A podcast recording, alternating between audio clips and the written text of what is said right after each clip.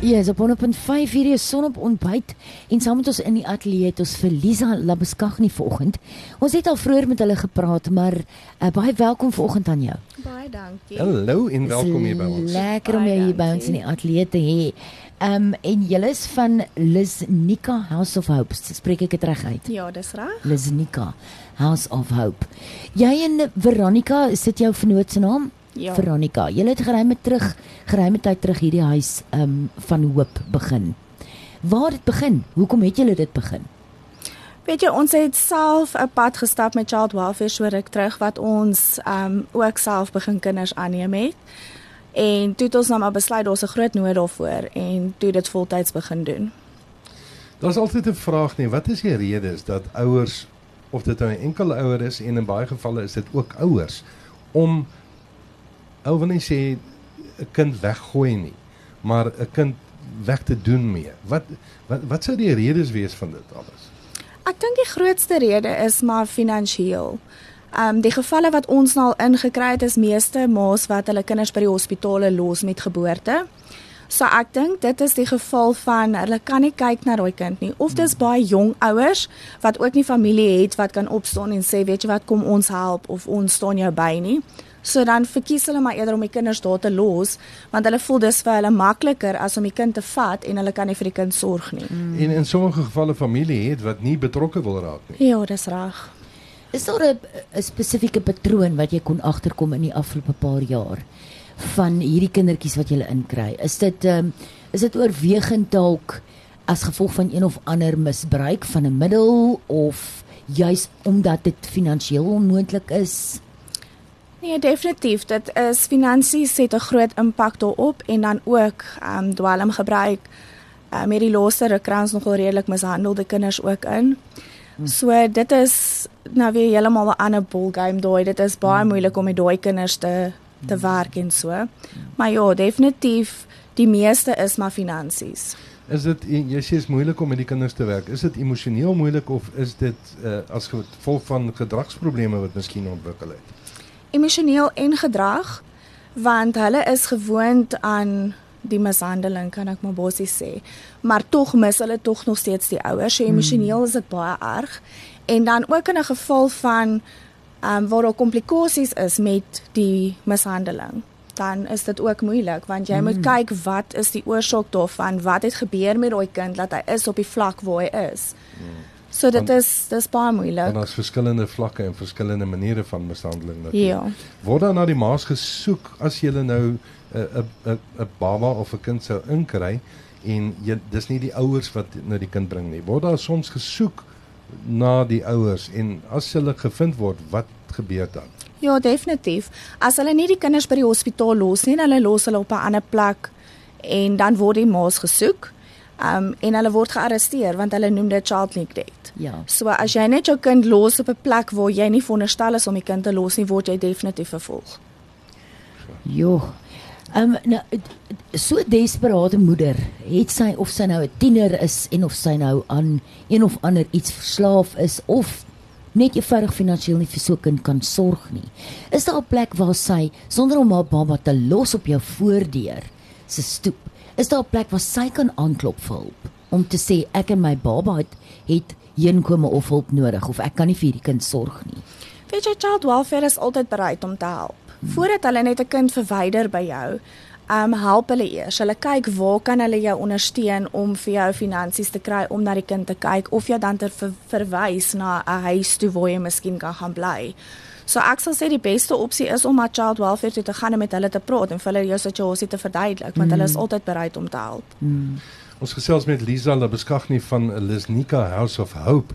Nou hierdie babas wat nie na julle toe gebring word nie. Waar word babas agtergelaat? Jongens het al gevalle gehad waar kinders by taxi ranks gelos word. Ai. Waar hulle by polisiestasies afgelaai word, waar hulle in 'n mall se toilet gelos word. Ehm um, so dit is maar enige plek waar hulle voel niemand sien hulle nie of niemand hulle mm. gaan kry nie, word die mm. babas gelos. Mm. So dit is dis nog 'n groot verantwoordelikheid en 'n groot storie wat jy en wat jy en Veronique aangepak het want jy kry soms 'n letterlik 'n pasgebore baba wat wat wat baie baie intensiewe versorging nodig het. En so is dit het julle julle uit die aard van die saak seker hulp by die by die huis met nee. Nee, nee, op hierdie oomblik doen ons dit maar self. Ons het nie enige ander hulp nie. So partykeer is dit 'n groot uitdaging want jy raak ook maar moeg en so, maar ja, op die oomblik is dit net ons wat dit doen. My genade. En dis nou soos 'n Engelsman sê 24/7. Ja, dis reg. Obviously, ons praat hier van babas. Ja. Sjoe, hoeveel hoeveel babas het julle op die oomblik daar? Ons het op die oomblik 5. Hmm. Ja, hulle wissel maar van die ouderdom van 8 maande tot 5 jaar. Okay. Ja. Wat is die proses as jy 'n baba sou inkry of 'n tiener of 'n kind sou inkry? Hoe lank bly hulle in die plek van veiligheid en wat is die proses wat gevolg word om hulle dan voor te berei vir die samelewing op om op hulle eie houtjie aan te gaan? Weet jy, ek kan nie regtig sê hoe lank dit is nie, want dit hang maar af van elke ehm um, situasie is maar anders. Ons het al kinders gehad wat vir 'n jaar by ons gebly het, so 'n ander gehad wat 'n maand daar was. So dit hang af van van die saak wat gebeur, moet hulle aan opgaan vir aanneming of moet hulle vir foster care gaan of word hulle weer na die ouers toe teruggeplaas. Mm, so dit mm. hang maar af. Daar's nie regtig 'n tyd aan verbonde wat ek kan mm. sê hulle bly 'n week of 'n maand of so aan nie. So met ander woorde, julle werk baie baie nou saam met die um child welfare en wat dan nou ook te doen het met die regstelsel rondom so 'n situasie. Ja, dis reg. Hoeveel kinders sien julle tans na hom? Ek dink jy het genoem 5 jaar en uh hoe het hulle by jou beland? En wie is die jongste en wie is die oudste? Ons het 'n klein babatjie van 8 maande, 'n seentjie. Ehm um, dit is ja, hulle was verwyder by ouers gewees toe hulle by ons geplaas en die ander is maar ook by die hospitale gelos hmm. en na ons toe gebring. Hmm. Ja. Sjoe, dit dit gee jou eintlik al hoendervleis, nê. Nee. Dis um, ek, ek ek sit en dink aan julle. Ek ek, ek dink nie ek sou emosioneel sterk genoeg gewees het om hierdie te kan. Ja, jy seker gereeld ja, agter 'n deur in trane. Want iewers moet jy na jouself ook kyk, nê. Jy moet na jou eie welstand ook kyk en jy moet kyk na jou na jou eie gemoed. Hoe kry mense dit reg? Ja, weet jy, dit is nie altyd maklik nie. Um elke kind wat daar inkom het 'n spesiale plek in jou hart. So as daai kind uitgeplaas word, jy huil jou oë uit. Ja. Jy kan nie anders nie. Ja. Maar baie mense het al gesê, ek verstaan nie hoe doen jy dit aan jouself nie. Maar vir my gaan dit oor daai kind. Dis 'n verskil wat jy in daai kind se lewe kan maak. So ongeag of hoe ek gaan voel na 'n jaar of 'n maand of wat ook al vir daai kind daar is, ten minste weet jy jy het 'n verskil in daai kind se lewe gemaak. Jy kan daai kind invat, jy kan daai kind daai liefde en die aandag gee wat hy verdien, mm. want elke kind verdien dit. Ja. So vir my, ek kyk daarna. Ek kyk verby die hartseer wat jy op die ou end van die dag gaan hê en ek kyk net na wat se verskil kon ek op daai kind se lewe gemaak het in die tyd wat hy by ons is. Baie baie kinderkoppies het hulle hulle koppe neergesit op julle kussings in die afgelope 4 jaar. Enige suksesstories wat wat jy graag wil uitgestaan het. Weet jy wat die die een wat vir my die die die mooiste was, kan ek maar sê. Gewoonlik as ons die kinders laat gaan vir aanneming of vir foster, ontmoet jy nie self die ouers nie. Hmm. So child welfare kom, hulle kom al die kind by jou, hulle sê okay, die hofsaak het goed gegaan, die kinders word uitgeplaas, so jy pak maar hulle sakkie en maak hulle goedjies reg en die welsyn mense kom al, hulle die social workers. Maar daar was een geval gewees wat ons die ouers kon ontmoet het. So die ouers het na ons huis toe gekom en hulle het die kind daar kom haal en dit was die seentjie wat 'n jaar by ons was. So dit was vir my vreeslik erg om hom te hmm. laat gaan want ons het sy eerste verjaarsdag gedoen en al so aan.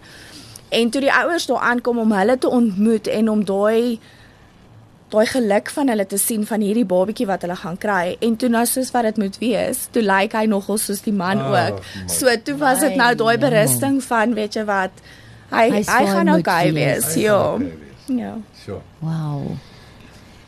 Ja, ek weet nie, ek en Gerard is redelik um sprakeloos gelaat want want dit vat 'n baie baie spesiale persoon om te doen wat jy en Veronique doen. So, ehm um, en dis obviously vir my, ek kan sien die manier met die passie waaroor jy praat oor dit. Dit is jou roeping hierdie. Dit is waaroor dit vir jou gaan. Dit gaan nie vir jou oor jou nie, dit gaan vir jou oor die geluk van daai kind. Al kan jy bydra net vir 'n dag, is dit die moeite werd. Ja, definitief. Kan mense julle volg iewers op sosiale media of Ja, ons het 'n Facebook page, jy's onder Lisnika House of Hope. So hulle kan gerus daar gaan kyk, ja. En dis Lisnika, dis L I Z. Ja. N I C A, Lisnical House of Hope. Waar waar kom julle kry julle um, befondsing deur middel van staatshulp of of moet julle julle eie fondse genereer? Ja, ons moet absoluut ons eie fondse genereer. Ons kry glad nie hulp van die staat nie. So ons maak staat op op mense en op besighede om mm. ons te help. Mm. So ja, dis net sponsors en donasies op die oomblik. Sjoe. Ja. En het jy 'n kontak ehm um, 'n Facebook of 'n kontaknommer of iets as iemand graag 'n uh, ehm um, hulle hart en hulle beursie wil oopmaak vir 'n donasie? Ja, alles is op ons Facebook page. Al die kontakbesonderhede is daar op ook. Fantasties.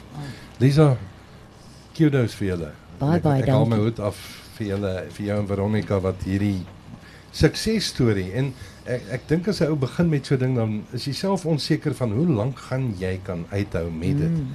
Is 4 jaar later en ons het net nou voordat ons regstreeks gegaan het, het ons gesels die tyd is in 'n oogwink is tyd verby. Ja. En groei die kinders ongelooflik vinnig. Ons maak het 'n grappie gemaak, moet iets in die water wees wat kinders so vinnig laat groei. Ja, nee. Maar maar baie dankie vir dit wat julle ook beteken in in in dit wat julle doen en ook vir in hierdie kinders se lewens om net die fondamente lê ten minste 'n uh, standvaste fundament. Baie dankie. Baie dankie, dankie Lisa. Baie dankie. dankie.